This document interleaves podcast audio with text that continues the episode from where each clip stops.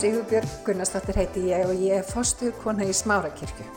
Við langar til þess að bjóða þið velkomin í hlaðvarpan okkar en hér ætlum við að tala uppbyggjandi og hvetjandi orð.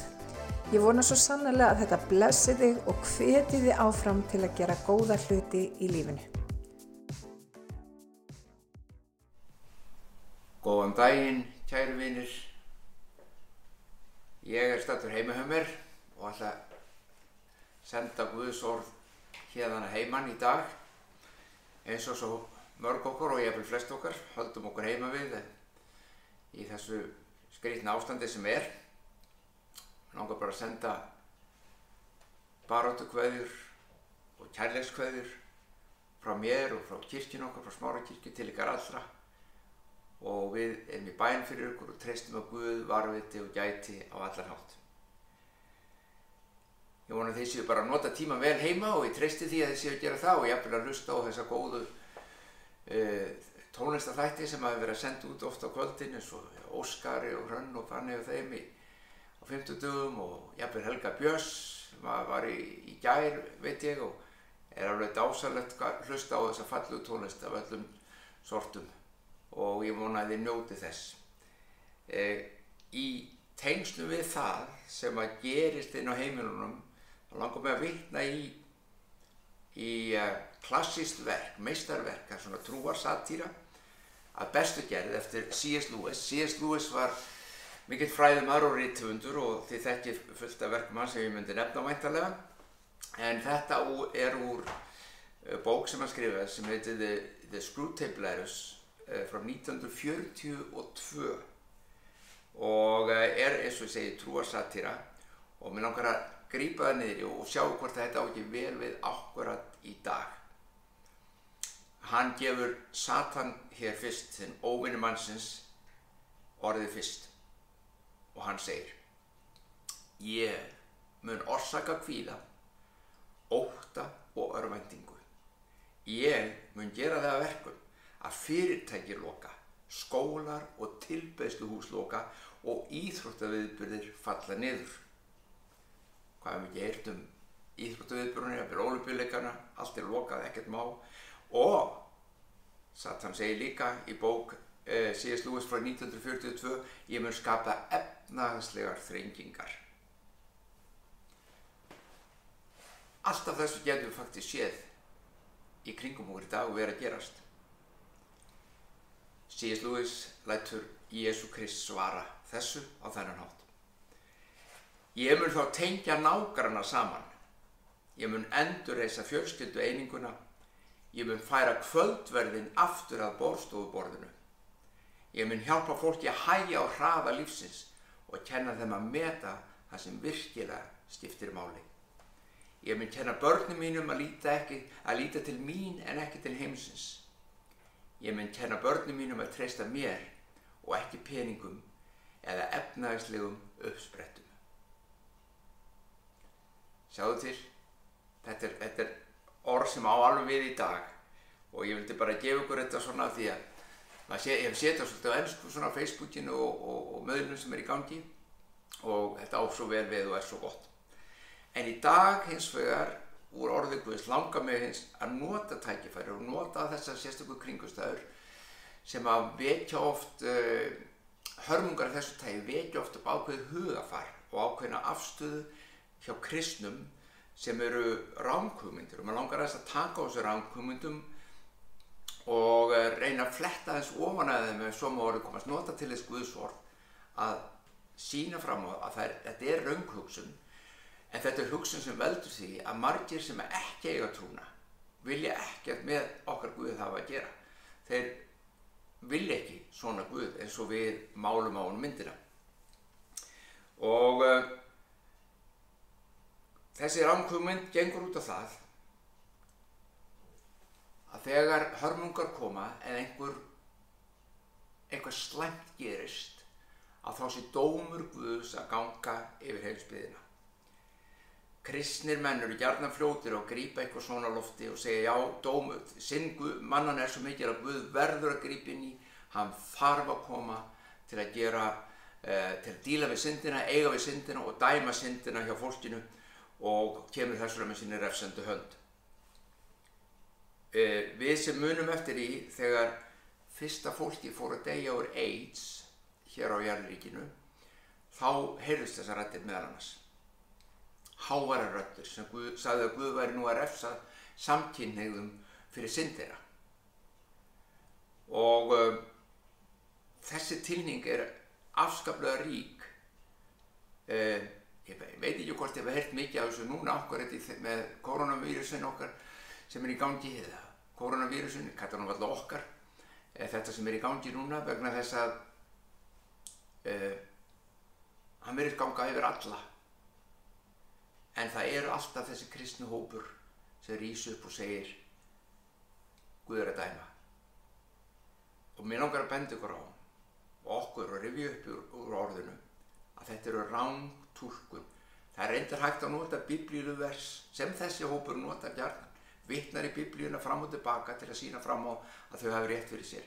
Það er að láta biblíuna segja hvað sem er faktist. Þú getur haft einhverja skoðun sem er bara þín skoðun og þú getur láta biblíuna staðfesta hana á einhvern nátt það er að taka orðið úr samingi það er eins og mikilvægt að, að, að skoða reyningarnar í samingi og það er mikilvægt að láta biblíuna reyningarnar sjálfa tólka reyningarnar þá færðu mynd af heildarmynd af því sem að biblían eða reyningarnar eru að kenna okkur og segja okkur. Tökum sem dæmi, hver er bóðskapurinnar hvað er til dæmis líkil atriði fagnaður er endisins við þurfum að sjá það og allt annað sem sagtur og nefndir bendir á þesta ekkert annað og það er það sem ég langar að sína ykkur núna úr Guðsvöðu við ætlum að fyrst að líta í Lúkas 9. kapla vers 51-56 þetta eru aðeinsverður vers og, þau eru svolítið brosleg þó þau séu alvarleg.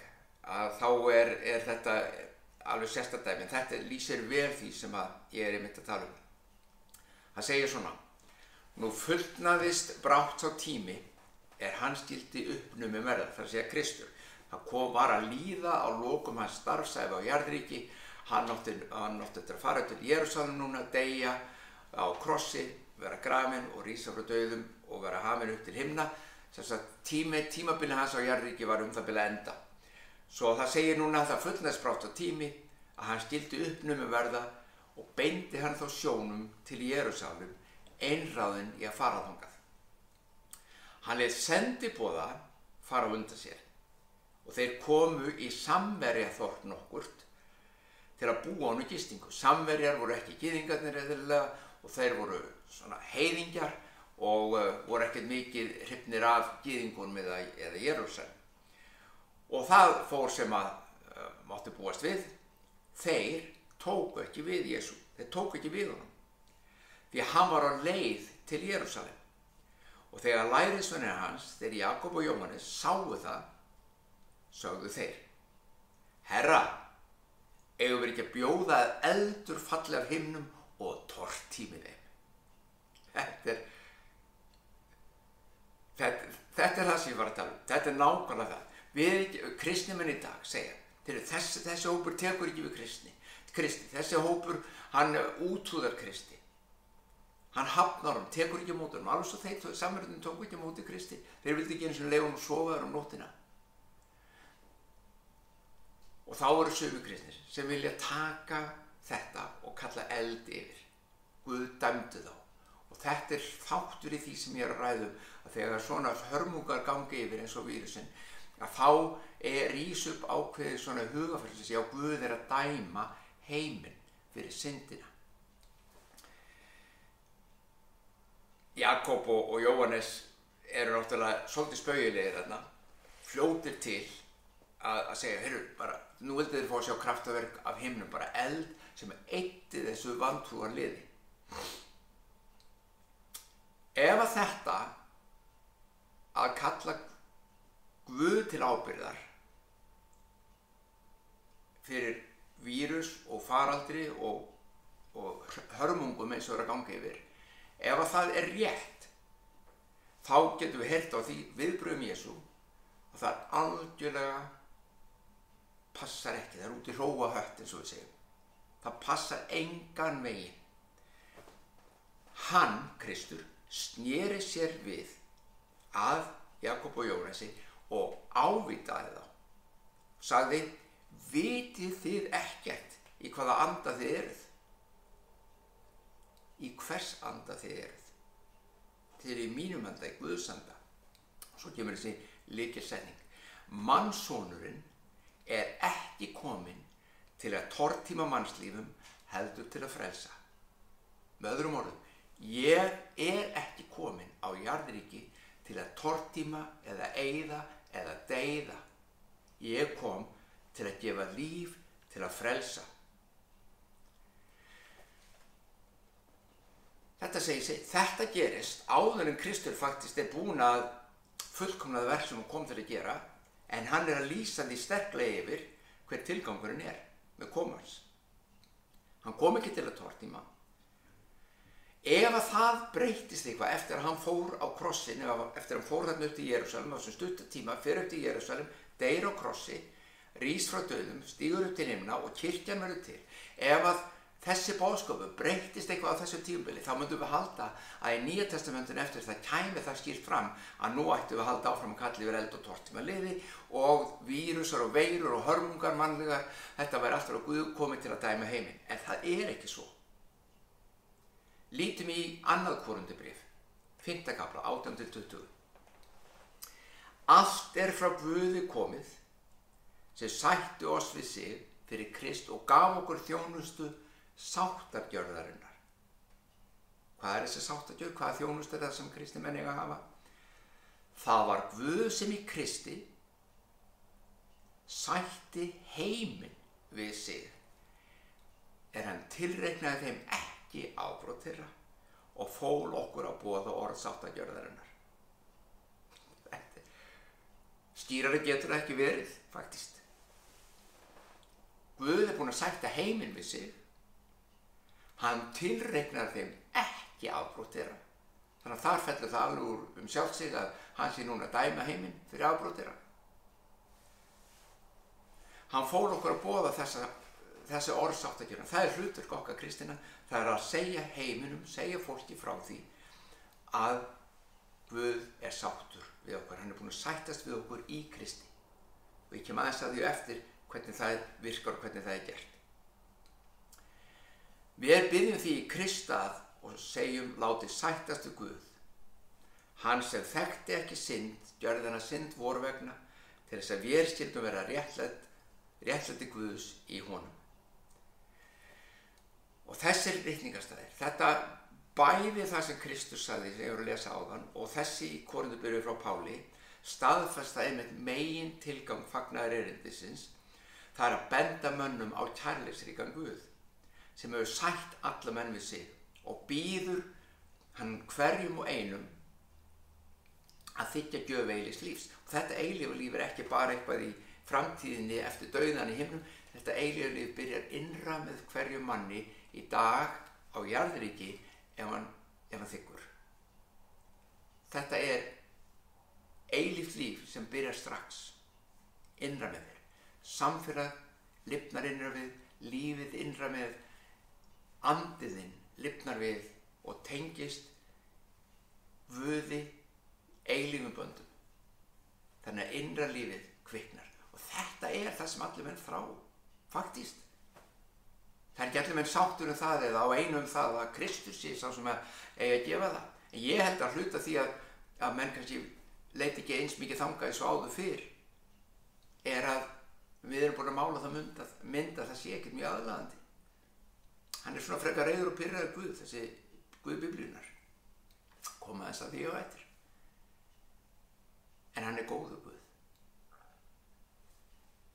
Ef við tökum burt þetta dót sem við erum búin að vera að setja í veginn þá geta menn séð að Kristur er bæði fallugur kröftugur, öflugur, kærleisríkur og hefur allt að gefa.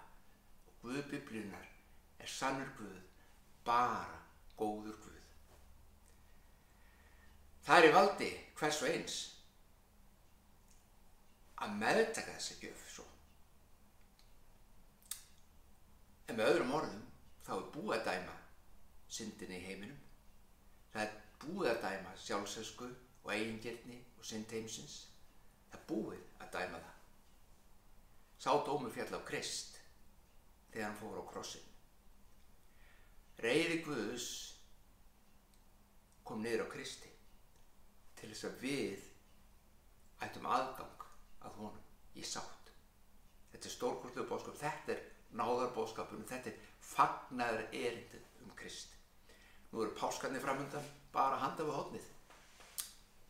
Ég held að við séum öll að horfast í augu það að páska háttíðin okkar núna verður aðeins með aðeins öðru sniði heldur í gengur að gerist út af þessari stöði í landur okkur og heiminum. En þá vorum við samt sem áður, við getum samt sem áður, að þessu djúb og ríka þessu djúb og ríku merking og meiningu sem raunverulega hefur sem er að þann var þá sem að Kristurinn mitt fór upp til Jérúsalem fór á krossin og lambi Guðs hún með líkt við lamb Guðs Jíðingar auðvitað slátraðum aldar aðir páskalambi og nú kemur Kristur og hann er kallaður síðasta páskalampið. Hún var slátrað og Biblían fyrir, gerir grein fyrir því í Hebrebrefinu 9.26 að þessi fórn dugði í eitt skipti fyrir öll. Í eitt skipti fyrir öll dugði þessi fórn. Hann þarf ekki að dæma heiminn aftur. Elsku bræður og sýstur, þið sem eru að hlusta og þið sem hafa kannski lendið þessu eða dóttið í það að vera dæmandi yfir syndmannsins. Gæti þess að fall ekki þá mannvisku að tala í vannmjösk á móti Guðs orði. Því með því gerum við lítið úr fórnadöða Krist sjálf til. Við erum, ef við lýsum því yfir að Guð sé að dæma synd heimsins með vírusum og flóðum og öðrum hörmungum þá erum við að segja að verk Krist döði ekki til. Hann kom að dæma til heiminn en það þarf að dæma hann aftur segir Guð dæmir ekki tvísvar fyrir svona syndir. Hann er búinn að dæma. Það er náðin sem okkur var gefin. Hann er gefað spennt okkur að leið til endur þess að þetta lögmál kærleikans í heiminum. Hann kom og uppfyldi verkið þannig að nú eigum við bara aðgangaði nú getum við þegið náðarverkið og lifað í kærleikanum ég vona þetta svari einhverju bendi einhvað í ljósi reikningarinnar á það að þessi hugsun, þetta er ránghugmynd sem við megum ekki halda svona fast í vegna svo hún er bara ekki rétt, hún er ekki samræmi reynlega við Guðs orð. Hún er ekki samræmi við það. Það er einn önnur rántúlkun, mjög lík þessari sem er langar rétt að minnast á svona í restina. Það er líka nöðsölegt að leiðrita hana en hún snýst að þér persónulega eða mörgum, kannski ekki þér, en mörgum kristnum sem eiga erfitt með að trúa því að Guð sé sáttu við þau, sé jafnvel reyður út í þau, pyrraður svolítið. Það er svolítið þessi mynd að Guð okkar sé pyrraður reyður Guð og ef við mistíðum og gerum eitthvað rangt þá sé hann alltaf að skammast út henni okkur og, og lemja okkur í hausinn og, og, það er bara ekki svo. Þú hugsa kannski, já gott og vel, hann kannski ekki að dæma heiminn en hann er sko ekki sáttur við mig. Hann er sko ekki sáttu við mig. Mér líður alltaf þannig svo hann sé ekki sáttu við mig. Finn ekkert fyrir honum, heyr ekkert í honum. Hann er svo fjarlagur það er vegna þess að, að hann er bara ekki sáttu við mig. Það er eitthvað sem ég hef gert, eitthvað sem ég hef sagt. Bara hvernig ég er. Tventi þessu sem ég langar að nefna og ég held að annars vegar þá séu yfirgnægandi líkur á því. Ef að þessi tilfinning er að gerast innan með þér og þessi hugsun Eh, þá er mjög líklegt að einhverjum ástæðum þá er þú ekki sátt eða sáttur við þig sjálfur. Það er eitthvað ósætti innan við þér um það hvernig þú ert eða hvernig lífið þitt er og þú skrifar það á Guð um að hans sé ósáttur. Hinliðin á þessu er einmitt úr reyningunni sem segir Kristur sagði sjálfur að muni aldrei yfirgefa okkur, aldrei. Pál segir að ekkert fái aðskilja okkur frá Kristi. Ef að tilfring þinn er að hann hafi yfirgefið eða sé fjarlæðu þér og vil ekkert með þið hafa að gera, þá er það tilfinning sem er raunverulega er ekki að gera lítið úr henni en hún er ekki byggð á sannlinganum um Krist því hann sér ég er alltaf með þér ég fer aldrei frá þér að við þurfum að vinna með líf okkur og segja það hvað af hverju er mér þessi upplifið minn svona ef að hann segir svo þetta? Þetta stangast á. Guð er ekki reyðu við þig. Hann leiðir okkur hann agar okkur hann kennir okkur af því hann elskar okkur. En reyður er hann ekki. En þessi lígi ég kalli þetta lígi vegna þess að margir kristi menn trúa þessari lígi en okkar aðeins að við skoðum í biblíinu hvaðan nákvæmlega þessi lígi um að Guð sé ósáttur við þig og reyður út í þig e, óanaður með þig. Hvað er hún á uppsprettu sína. Lesum í fyrsta pétsbrifi 5.8 þetta er fræg vers þetta þekkja margir ef ekki allir. Verið algáðir vakið óvinnur yðar djöfullin gengur um sem öskrandi ljón leitandi að þeim sem hann getur gleift hann gengur um sem öskrandi ljón leitandi að þeim sem hann getur gleift Kristur myndist á þennan sama óvinn nokkru sinni. Hann kallaði hann meðan annars föður línar hann kallaði hann föður það var ekki bara vera legari hann var fadir línar líin á uppsprittu sín í hún muniði í gardinum, aldingarðinum eten hefur Guð, er þau vissum að Guð hafa sagt þetta? Byrjaði strax að sá Eva, byrjaði að ljúa og snúður, hann lígur aldrei beint í bjópi geðuðar þannig að þú vitir þetta er lí hann kemur alltaf læfis og ég ætla að benda ykkur á það og sína fram á því Guðsórið að ljónsöskur þess er einmitt slík læfísi því hann getur öskrað eins og hvaða skemmta sem er. Og hvernig líður þér ef, hvernig líður okkur ef það er öskrað okkur? Við hrökkum í kút, við forðumst, við förum í burtu. Öskur er ekki aðlaðandi. Öskur laðar ekki að. Og hvers vegna öskra hann eins og ljón? Og hvers vegna hann er yfirleitt að öskra og hvað er hann að öskra? Öskur myndi hræða okkur burt undir öllum ennum kringustöðu hann okkar að lesa annað vers úr reikningunni. Og þið munum strax sjá samengið vonandi. Það eru orðskviðunum 1912 þar segir konungsreiði er eins og ljónsöskur. Konungsreiði er eins og ljónsöskur. Konungurinn reyður og lætur í sér heyra er eins og ljónsöskur þetta er ekki ljónsöskur er eins og ljónsöskur.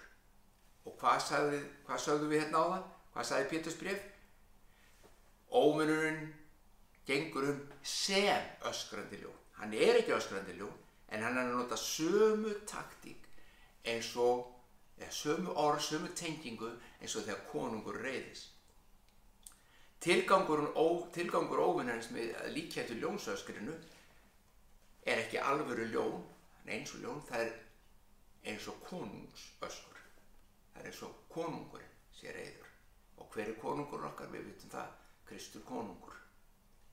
Hann vil því telja okkur trúum að Guð séð reyður öskrið hans hljómar eins og ljón. Það hljómar eins og Guðsrött í höfðu þínu. Og gefur til kynna að Guð sé ekki sáttu við þið hann sé fjarrið þér og hann sé reyðu við þig og ósáttur við þig. Gleymum þess vegna ekki eitt augnablík að þetta öskur kemur frá föður líginar þetta er blekkingar öskur en ef við trúum líginni eins og með alla aðra lígi það er alveg sama hvers eðlis lígin er ef við trúum henni ef við trúum því sem verið er að ljúa að okkur þá er það fjötrandi það er blekkjandi, það er fjötrandi, það er bindandi. Það er ekkert eins lamandi fyrir kristinn mann eins og að trúa því að Guð sjálfur sé ósáttur við hann. Það lamar þig. Það getur þið óhæfa. Þú heyrir ekki í Guðs röttu hún er ekki slaka á þið líður alltaf illa. Þú berst við að koma stað en einstinni öskra ljónið á þig og segir ég er þig. Þetta öskur í kollunum á okkur getur lama okkur. Þetta passar hins vegar ef að þetta væri sannleikurinn að hann væri ósattur út af einhverju í líf okkar. Passar ekki frekar við reytinguna eða biblíuna heldur það sem ég var að ræðum áðan um almennt um dómguðs yfir jörðina. Ekki þess að Kristu dó fyrir þína syndir eins og allra annara hann sætti þig við sig eins og alla aðra. Hann tók öll rángindi heimsins líka þín. Og í Hebreabrifinu, hlusta þetta fallu orði Hebreabrifi 8 og 12 þar segir því ég mun vera vægur við mistjöru þeirra og ég mun ekki framar minnast synda þeirra. Ég mun vera vægur við mistjöru þeirra og ég mun aldrei framar minnast synda þeirra. Ef hann er búin að leysa þessi mál í Kristi svo hann minnist ekki lengur synd okkar hvaðan haldi því þá að það sé að koma í kollunum á okkur hans er ósáttur við okkur? Ég hef sætt heiminn við mig segir hann. En í þínum kolli og í margra hljómar önnur röld sem segir hann er ósáttur passar ekki elsku vinnur annað við lígi hitt er sannleikur og við trú sannleikar Guð er góður, hann er bara góður. Ég las ekki setnum hlutan í orðskviðunum 1912. Ég ætla að lesa allt versi aftur núna með setnum hlutanum í versinu. Því það um það snýst þetta og það er okkar leikill núna í dag og það er að sem ég vil skilja ykkur eftir með þér skuður. Konungsreiði er eins og ljónsöskur en hilli hans sem dögg á grasi. Eftir komu Krist, eftir að heimun við sætti heimin við sig, þá heyrum við ekki ljónsöskurinn hans. Við njótum hilli hans. Hún er sem dögg á grasi á hverjum nýjum degi. Yfir þér, elsku vinnur, hvílir dögg hans, hilli hans og hún er ný á hverjum degi. Í dag, í dag er hilli hans yfir þér, yfir þínu lífi, yfir fjölskyttu þinni. Hún er eins og döggin á græsinu. Hún vöpar, hún glitra, hún er fallið, hún nærir. Hún gefur gróðurinn um það sem þarf.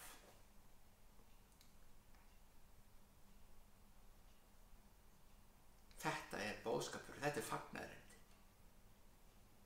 Þetta á, er fagnæðrendi fyrir alla menn. Guð elskar. Frækt er þetta því að svo elskaði Guð heiminn að hann gaf són sinn engitinn til að hver sem á hann trúi glatist ekki heldur hafi eilíft líf. Alla menn. Alla menn. Nú varir hilli hans yfir þér sem dogg á grasi á hverjum nýjum degi. Guð blessið elsku vinnir, njótið þess að kvíla í návist hans, í kærleika hans, bjóðið hann velkomin inn á heimileikar og nýti tíman. Ég skora okkur, hvet okkur, nýti tíman til að rækta rækta lífið í honum innra með þeim. Guð bless ykkur.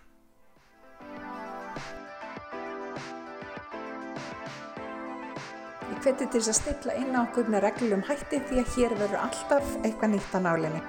Takk fyrir að hlusta.